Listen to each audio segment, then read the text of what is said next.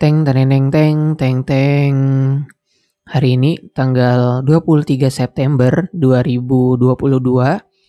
Ini episode episode ini rekaman pertama gue di kos karena sebelumnya itu gue rekaman di play hari kan di rumah sekarang di kos di Banjarmasin. Jadi awal bukan awal semester maksudnya mas ketika perpindahan semester kemarin ketika awal masuk semester ini gue ngangkutin barang-barang ke kos, barang-barang maksudnya mic dan segala macam perabotannya dengan asumsi karena gue di kos lebih lama kan weekday itu di kos sementara weekend aja di rumah gue punya lebih banyak waktu di kos. Tetapi kenyataannya berkata gue sama aja tetap nggak ada rekaman sama sekali justru ngelakuin hal-hal lain gitu. Terus uh, sama sih harusnya minggu ini gue juga pulang weekend ini tapi karena orang rumahnya lagi nggak ada maksudnya lagi berangkat, ya udah gue tetap stay di kos gitu. Malam ini gue coba untuk bicarain tentang satu tulisan yang ditulis oleh James Clear, judulnya Inver Inversion. Nanti gue taruh linknya di deskripsi. Uh, ini satu mental model, satu cara berpikir yang sudah lama adanya sejak zaman para filsuf-filsuf filsuf stoik ya kalau nggak salah. Lo bisa baca nanti. Uh, jadi intinya tuh adalah biasanya kan orang kalau takut sesuatu maksudnya di dalam bayang-bayang pikirannya takut terhadap sesuatu justru itu justru orang mikir itu justru orang nyuruh kayak ya udah nggak usah dipikirin mending lo mikirin yang lain kayak atau ya udah cari sisi positifnya. Atau ya udah kita ngelakuin sesuatu supaya pikiran negatif itu pergi Nah, tapi justru uh, mental model ini itu berlaku sebaliknya. Justru misalkan lo takut dengan sesuatu, lo punya mimpi buruk terhadap sesuatu, lo punya ketakutan akan terhadap sesuatu, lo justru harus membayangkan ketakutan itu terjadi. Jadi kita membayangkan worst case scenario, kita membayangkan kemungkinan terburuk yang bisa terjadi.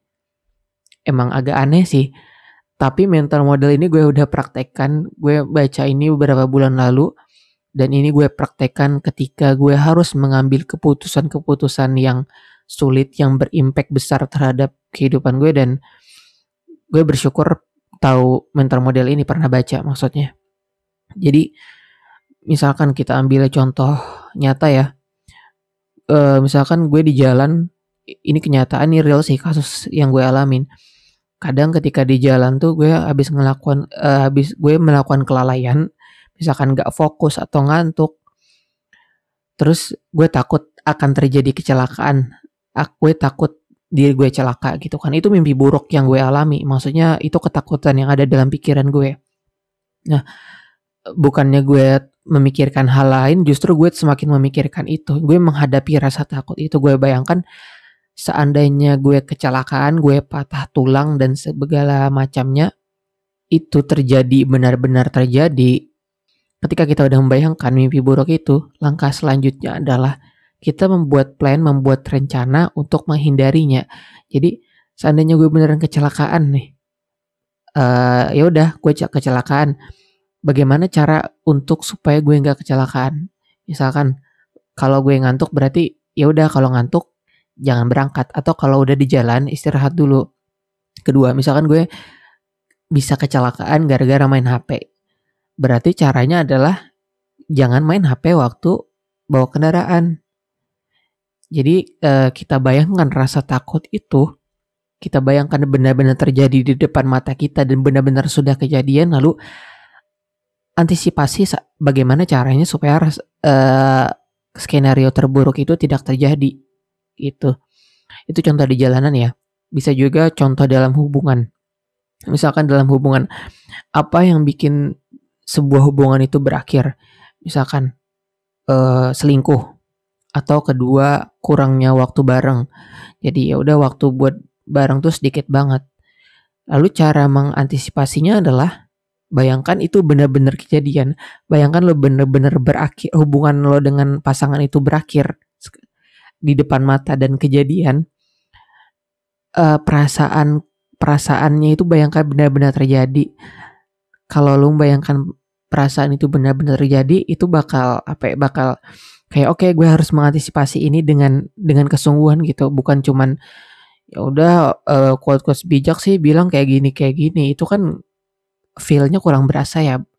Tapi ketika lo membayangkan hal itu benar kejadian uh, rencana yang lo ambil itu akan lebih mudah terjalankan karena lo udah merasakan rasa takut itu jadi kalau hubungan bisa berakhirkan dengan selingkuh ya jangan selingkuh harus setia kedua kalau hubungan bisa berakhir karena kurangnya waktu bareng berarti lakukan hal yang sebaliknya ya udah uh, bikin jadwal gitu ketemuan bareng atau apa pun yang bisa meningkatkan kebersamaan.